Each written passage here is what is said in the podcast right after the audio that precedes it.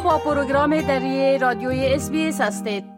شنونده های عزیز حال همکار ما فضیل تصمیم درباره مسائل و موضوعاتی که ای هفته در وبسایت ما به نشر رسیده معلومات میتن در صفحه اینترنتی SBS به زبان دری و آدرس sbs.com.au دری هر روز مطالب جالب و دانستنی درباره موضوعات گوناگون و شمول مسائل اجتماعی، سیاسی، اقتصادی و فرهنگی نشر میشه. فضیله جان تصمیم سلام عرض می کنم خب اولتر از همه اگر به صورت عموم در مجموع بگوین که چی موضوعات و چی مطالب در وبسایت ما در هفته نشر شده. سلام خدمت شما و شنونده محترم شکیب صاحب. در این هفته مطالب نشر شده در وبسایت ما با خبر کناره‌گیری تیم کرکت استرالیا از بازی با تیم کرکت افغانستان آغاز شد. تیم کرکت استرالیا به علت نقض حقوق زنان در افغانستان توسط طالبا تصمیم گرفت با تیم افغانستان بازی نکنه. منتقدان می‌گویند که تصمیم کرکت استرالیا برای کنارگیری از مسابقات با افغانستان برای افرادی که پیش از هم به اندازه کافی از اقدامات طالبان رنج کشیدن خبر خوبی نیست. مطلب صحی داشتیم در مورد ای که آنانی که در مناطق سرسبز زندگی می کنند قلب سالم تر دارند. نتایج یک مطالعه شامل تجربه 100 هزار استرالیایی و ارقام از بستری شدن از بستری شدن و مرگومیر در استرالیا در مدت بیشتر از یک دهه نشان داد که سرسبزی بر صحت جسمی و روانی اثرات مثبت دارد. موضوع جالب دیگر در وبسایت ما هفته در مورد افزود شدن تعداد ثروتمندان در استرالیا و جهان بود. ثروتمندان 63 درصد از ثروتهای جدید ایجاد شده از زمان همگیری کووید 19 را به دست گرفتن. میلیاردرهای جهان شاهد افزایش ثروت 5 میلیارد دلار در روز هستند. استرالیا هم اکنون 11 بیلیونر بیشتر نسبت به قبل از همگیری کووید 19 داره در این حال فقر شدید برای اولین بار پس از 25 سال افزایش یافته یکی از موضوعات نشر شده در صفحه اینترنتی ماهی هفته اعزام سربازان استرالیایی برای آموزش سربازان اوکراینی در جنگ علیه روسیه بود که در حدود 70 سرباز استرالیایی برای کمک به آموزش سربازان اوکراینی در تلاش بر تقویت دفاع از کیف در برابر تهاجم روسیه به بریتانیا اعزام میشن. دکترها در استرالیا هشدار میتن که مصارف پیشبرد وظیفه جی پی غیر قابل تحمل است. عدم حمایت حکومت از آنها ایشان مجبور می‌سازه یا از کارشان دست بکشن و یا هم فیس مریضان بلند ببرند.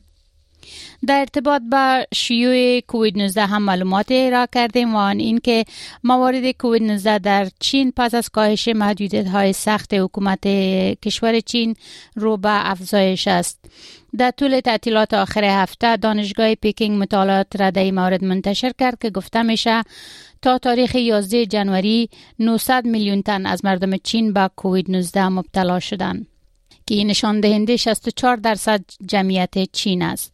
موضوع دیگر در وبسایت ما نگرانی از مشکلات پنهانی صحت روانی ناشی از فاجعه های آب و هوا بود. یک نظرسنجی اثرات فاجعه های طبیعی بر صحت روانی استرالیایی ها را نشان داده.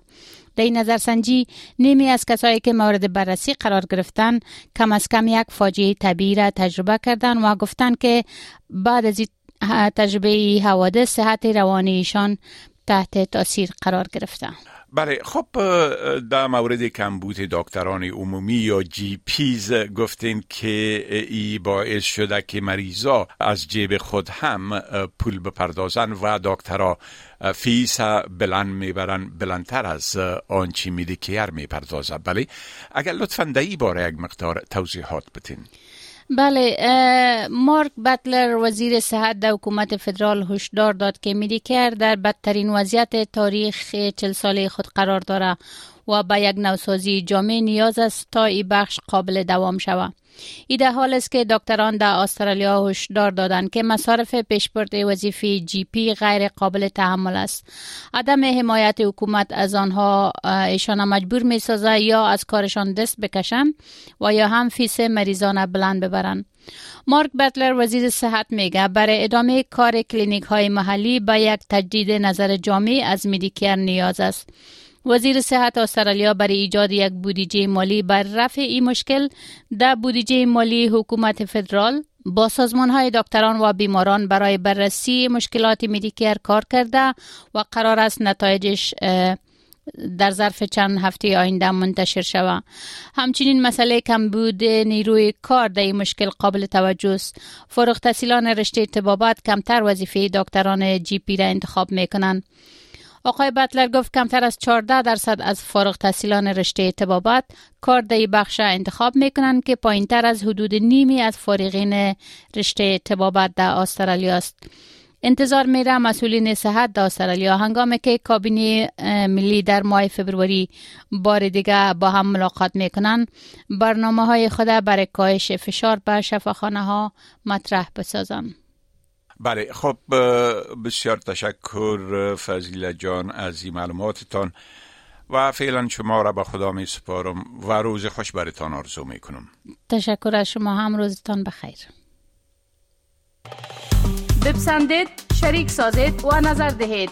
اسپیس دری را در فیسبوک تعقیب کنید.